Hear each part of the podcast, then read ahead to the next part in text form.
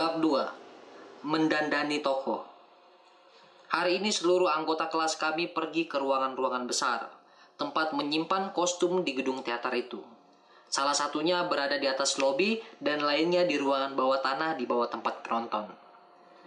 Tak sampai 15 menit, Gracia telah memilih apa yang ia inginkan dan pergi. Beberapa siswa lain juga tidak berlama-lama. Hanya Sonya dan aku belum juga menemukan pilihan pasti. Sebagai gadis muda yang genit, tatapan Sonya meloncat ke sana kemari dan kepalanya pusing tujuh keliling melihat begitu banyak gaun indah. Sementara itu, aku belum yakin akan menampilkan tokoh seperti apa dan ingin untung-untungan saja kalau-kalau mendapat ilham di situ. Dengan seksama kuamati semua yang kulihat. Berharap menemukan kostum yang memberikan citra tentang sosok yang menarik buat kutampilkan. Perhatianku tertuju pada jas panjang yang sudah usang. Jas panjang ini terbuat dari bahan bagus yang belum pernah kulihat sebelumnya. Sesuatu berwarna pasir, kehijau-hijauan, keabu-abuan, tampak memudar dan penuh bercak, seperti debu campur abu. Rasa-rasanya orang yang mengenakan jas panjang ini akan kelihatan seperti hantu. Semacam kengerian yang hampir tak tersadari, sekaligus kenekatan yang menggetarkan membuncah dalam diriku saat kutatap jas panjang usang itu. Jika dipadu dengan topi, sarung tangan, alas kaki berdebu, dan rias serta rambut palsu yang sewarna dan senada dengan bahan jas panjang itu, serba keabu-abuan, kekuning-kuningan, kehijau-hijauan, pudar dan suram, akan muncul efek seram, tapi akrab. Kesan apakah tepatnya? Belum bisa kuputuskan. Para petugas bagian kostum menyisikan jas panjang pilihanku dan berjanji mencarikan aksesoris-aksesoris untuk dipadukan. Sepatu, sarung tangan, topi tinggi, juga rambut dan jenggot palsu. Tapi aku belum puas dan terus mencari-cari hingga menit terakhir ketika petugas yang manis dan bersahabat itu akhirnya mengatakan kepadaku bahwa dia harus bersiap-siap untuk pertunjukan malam itu, tak ada yang bisa kulakukan selain pergi sebelum sampai pada keputusan yang pasti. Dengan hanya jas panjang penuh noda itu yang disanggupi akan disediakan untukku. Dengan gairah, tapi juga resah, kutinggalkan ruangan kostum itu bersama teka-teki di dalam diriku. Sosok pribadi yang pasti ku mainkan, sosok pribadi apa yang mesti ku mainkan ketika aku mengenakan jas panjang usang lusuh itu? Sejak saat itu hingga pesta topeng tiba, tiga hari kemudian sesuatu berkecamuk terus di dalam diriku. Aku bukan diriku dalam pengertian kesadaranku yang biasanya tentang diriku sendiri. Atau lebih tepatnya aku tidak sendiri, melainkan bersama dengan seseorang lain yang terus kucari di dalam diriku tapi tak kunjung kutemukan. Aku ada dan hidup. Aku terus menjalani kehidupanku yang seperti biasa tapi ada yang mencegahku untuk menyerahkan diri sepenuhnya pada kehidupan yang seperti biasa itu. Ada sesuatu yang mengganggu keberadaanku yang biasa. Aku seperti terbelah dua. Meskipun aku memandang semua yang menarik perhatianku, aku tidak menatapnya dengan tuntas, melainkan hanya samar-samar, tanpa merenungkan kedalamannya. Aku berpikir tapi tanpa ketuntasan perenungan. Aku menyimak tapi hanya dengan sebelah telinga. Aku mengendus bebawan tapi tidak sepenuhnya. Separuh dari tenaga dan kemampuan manusiawiku entah bagaimana lenyap. Dan kehidupan itu menggerus kekuatan serta daya dan perhatianku. Segala yang kukerjakan tidak rampung. Aku tidak menyelesaikan apa saja yang kutangani. Aku merasa ada sesuatu yang teramat penting yang harus kuselesaikan. Tapi kemudian mendung menyelimuti kesadaranku. Aku tidak mengerti lagi langkah berikutnya. Aku tidak mampu memusatkan pikiranku, dan aku terbelah. Letih dan tersiksa rasanya. Tiga hari penuh hal itu kualami, dan selama itu pertanyaan tentang siapa yang akan kumainkan dalam pesta topeng alias pentas penyamaran itu tetap tak terjawab. Akhirnya malam itu tiba-tiba aku terbangun dan segalanya jadi jelas. Kehidupan kedua yang kujalani bersama dengan kehidupanku yang biasa itu adalah kehidupan rahasia bawah sadar. Di dalamnya sedang berlangsung terus-menerus pencarian akan pria bulukan yang kebetulan kutemukan pakaiannya. Namun kejelasan itu tidak bertahan lama. Kejernihan itu buyar lagi dan aku kelimpungan di tempat tidurku. Tidak bisa tidur dan terus gelisah. Serasa aku telah melupakan sesuatu, tidak dapat mengingatnya kembali atau menemukannya. Keadaan ini menyakitkan, Tapi andai pun ada dukun sakti menawarkan diri untuk mengakhirinya, aku tidak sepenuhnya yakin akan kuizinkan. Dan inilah keanehan lain yang kucatat dalam diriku. Aku seakan yakin tidak harus menemukan gambaran orang yang kucari. Meskipun begitu, pencarian itu terus berlangsung. Bukanlah iseng-iseng jika selama hari-hari itu aku tidak pernah melewati studio foto tanpa mencermati potret-potret di etalase dan berusaha mengerti siapa orang-orang dalam potret-potret itu. Anda mungkin bertanya, mengapa aku tidak masuk ke suatu studio dan memeriksa tumpukan foto di dalam sana? Pada penjual barang bekas mungkin ada lebih banyak lagi tumpukan foto lama yang kotor dan berdebu. Mengapa bahan itu tidak kumanfaatkan? Mengapa aku tidak mencoba semua itu? Dengan malas aku hanya memeriksa paket terkecil di studio foto itu dan mengabaikan yang lain begitu saja karena takut mengotori tanganku. Apa masalahnya? Bagaimana bisa menjelaskan kelembapan ini? Kelesuan ini atau kepribadian yang terbelah ini? Kupikir ini sumber dari keyakinanku yang tak kusadari tapi kukuh bahwa pria berdebu dengan pakaian lusuh itu akan mewujudkan dan menyelamatkanku cepat atau lambat. Tak ada gunanya mencari, lebih baik tak usah menemukan si orang bulukan itu. Itulah barangkali kisikan bawah sadar dari suara batinku.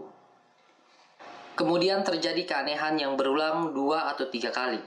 Aku melangkah menyusuri jalan dan segalanya tiba-tiba menjadi jelas bagiku. Aku berhenti sejenak untuk menangkap secara penuh apa yang telah terjadi padaku. Satu detik berlalu, dan sedetik lagi, dan seakan aku mampu menyelaminya sampai taraf tertentu. Tapi beberapa detik kemudian, apa yang tadi muncul ke permukaan meleset hilang dari pandanganku, dan sekali lagi diriku diliputi kebingungan. Di waktu lain, kutemukan diriku sedang berjalan dengan gaya yang limbung, tidak beraturan.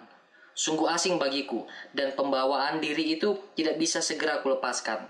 Dan di malam hari, Ketika aku tak bisa tidur, aku mulai menggosok-gosokkan kedua telapak tanganku dengan cara yang ganjil.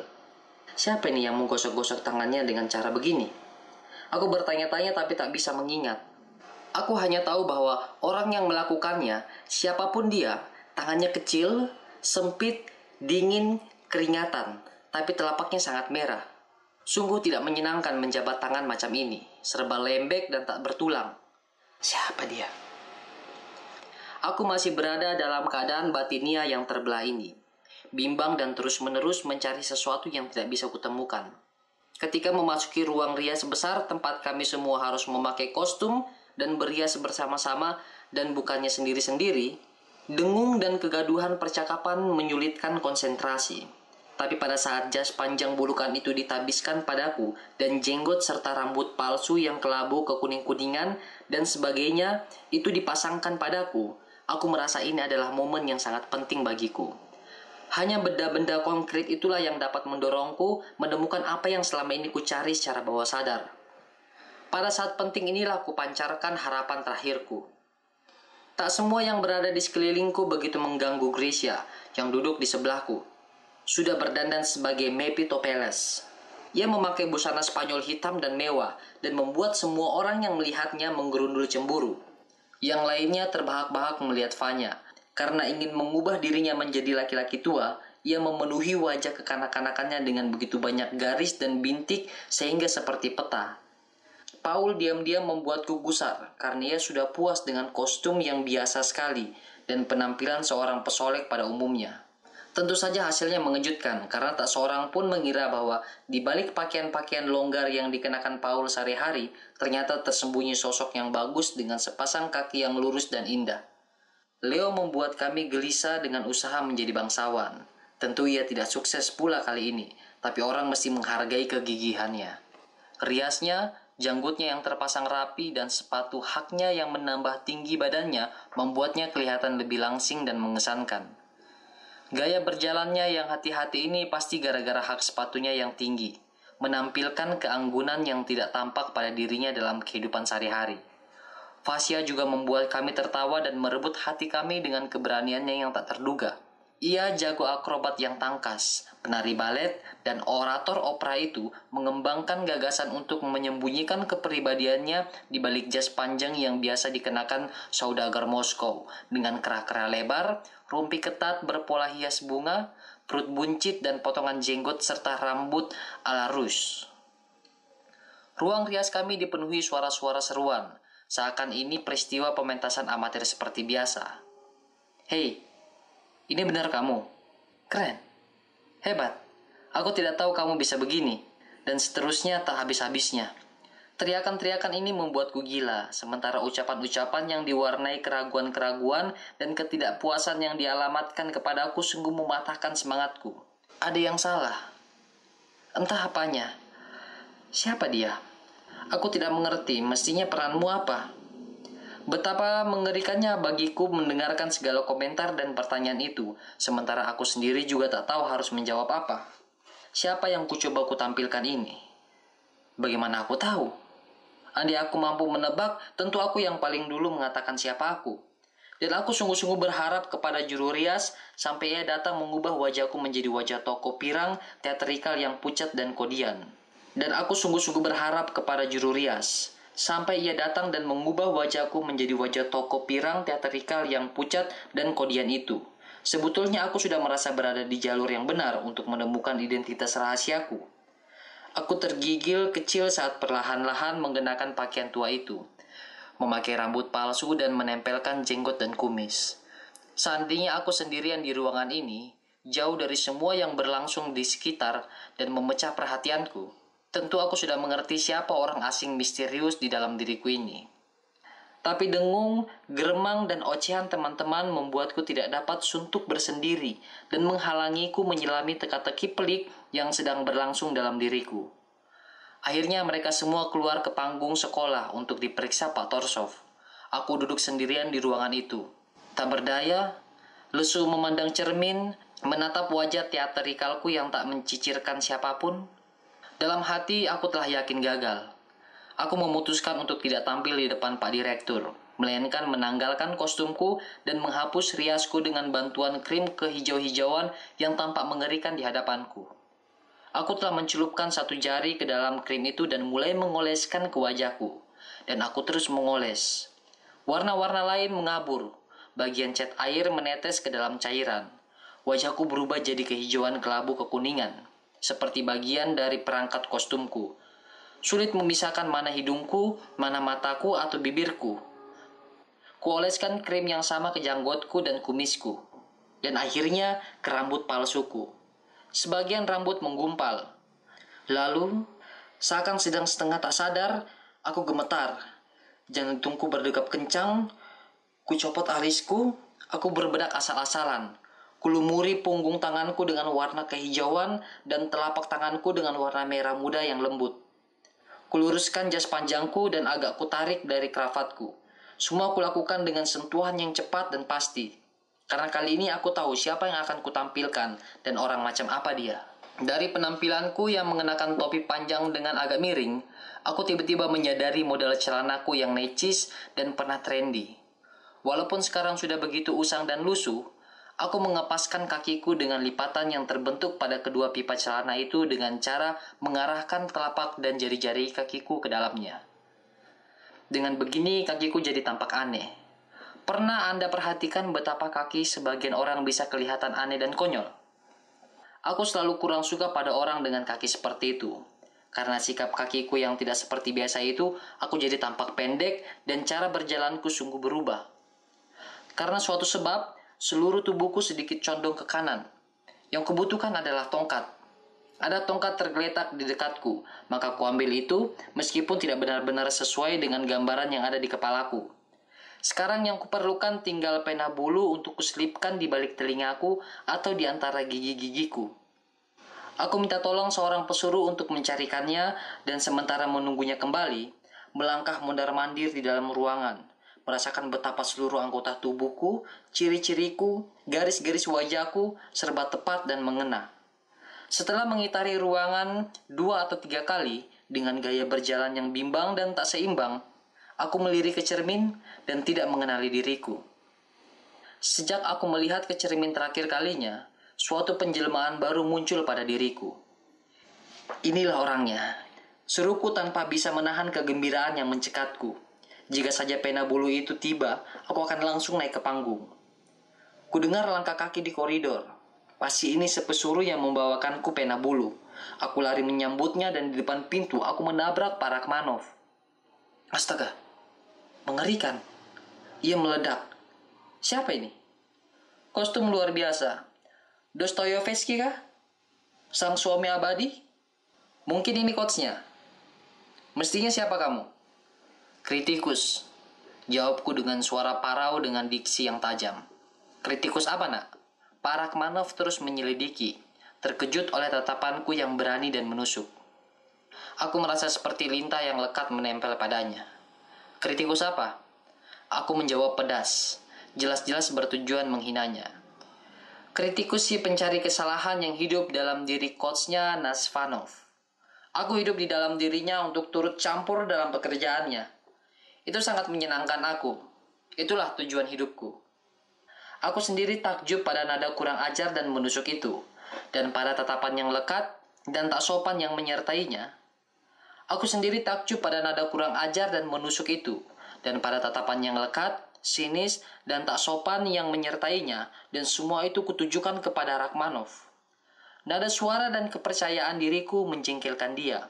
Ia tidak tahu bagaimana menemukan cara pendekatan baru, dan karenanya jadi tidak tahu harus berkata apa kepadaku. Ia kebingungan, salah tingkah. Ayo, ia akhirnya berkata dengan agak ragu.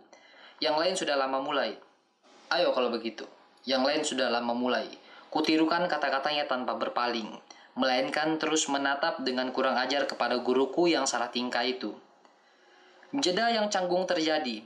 Kami sama-sama tak beranjak. Kelihatan sekali para Rakmanov ingin mengakhiri peristiwa ini secepat mungkin, tapi tidak tahu bagaimana caranya. Untunglah dia, pada saat itu si pesuruh lari masuk membawa pena bulu angsa. Aku merebutnya dari tangannya dan menyelipkannya di antara bibirku. Ini membuat mulutku meruncing. Tampak marah.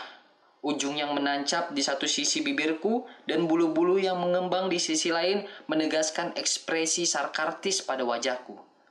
Ayo, ulang Pak Rakmanov dengan suara rendah, nyaris malu-malu. Ayo, Nada meniriku penuh sarkasme dan kurang ajar. Kami berjalan naik panggung, tapi selama itu Pak Rakmanov berusaha menghindari bertemu pandang denganku. Aku mulai bereaksi dengan menyembunyikan diriku di balik tungku ubin kelabu besar. Bagian dari tata panggung yang kebetulan berada di atas panggung, dan hanya sesekali membiarkan bagian atas topi atau profilku kelihatan. Sementara itu Pak Torsov sedang menguji Leo dan Paul sang aristokrat dan si pesolek yang baru saja saling diperkenalkan dan berbicara omong kosong karena memang tidak banyak yang dapat mereka perbincangkan berdua, mengingat kualitas intelektual tokoh-tokoh yang mereka perankan itu. Apa itu? Siapa itu? Tiba-tiba aku dengar Pak Torsov berseru. Sepertinya ada yang duduk di belakang tungku. Siapa itu? Aku sudah melihat kalian semua. Yang ini siapa? Coachnya. Tidak. Bukan. Siapa kau? Siapa kau? Pak Torsov menyapaku langsung dan tanpa jelas bahwa dia sangat penasaran. Aku sang kritikus. Aku memperkenalkan diriku dan maju. Saat aku melangkah, sungguh tak disangka kakiku terpuntir mencuat maju dan melempar tubuhku makin ke kanan. Aku membuka topiku dengan sikap berlebihan yang hati-hati dan membungkuk sopan. Setelah itu aku kembali ke tempat dudukku, setengah tak terlihat di belakang tungku yang senada dengan warna pakaianku yang pudar.